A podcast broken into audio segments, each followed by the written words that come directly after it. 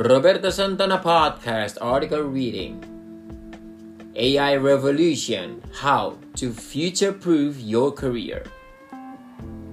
Are you afraid of losing your job to a robot?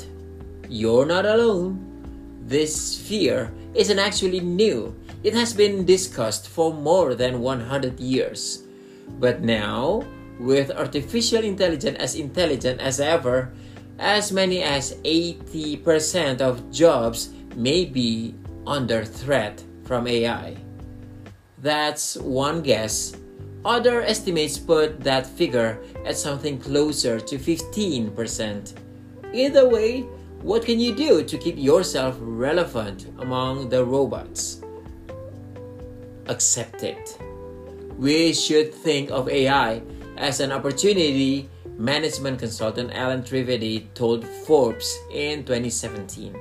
That means embracing the technology, accepting that it's here to stay, and learning how to use it to make your job easier or how it can help you do your job better.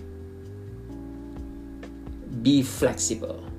However, it might also be a good idea to increase your range of professional skills, perhaps by taking an online course, and to learn about other roles in your company or industry. Being flexible and exploring other opportunities could help make you more employable and keep your mind open about future roles that might even be in a completely different industry. Next focus on people. AI can do quite a lot, but not everything. So, try to work on those things that are uniquely human. You might call them people skills or soft skills. Things that robots can't do and that employers love. Leadership coach Michael S. Seaver told Forbes we should be trying to develop our emotional intelligence in the workplace. That means being aware of our emotions and how they affect us. It also means reflecting on the way we communicate with our colleagues and show empathy. Creativity and problem solving are two more skills that we could call uniquely human, at least for now. But we have to admit that new technology will not affect all of us equally.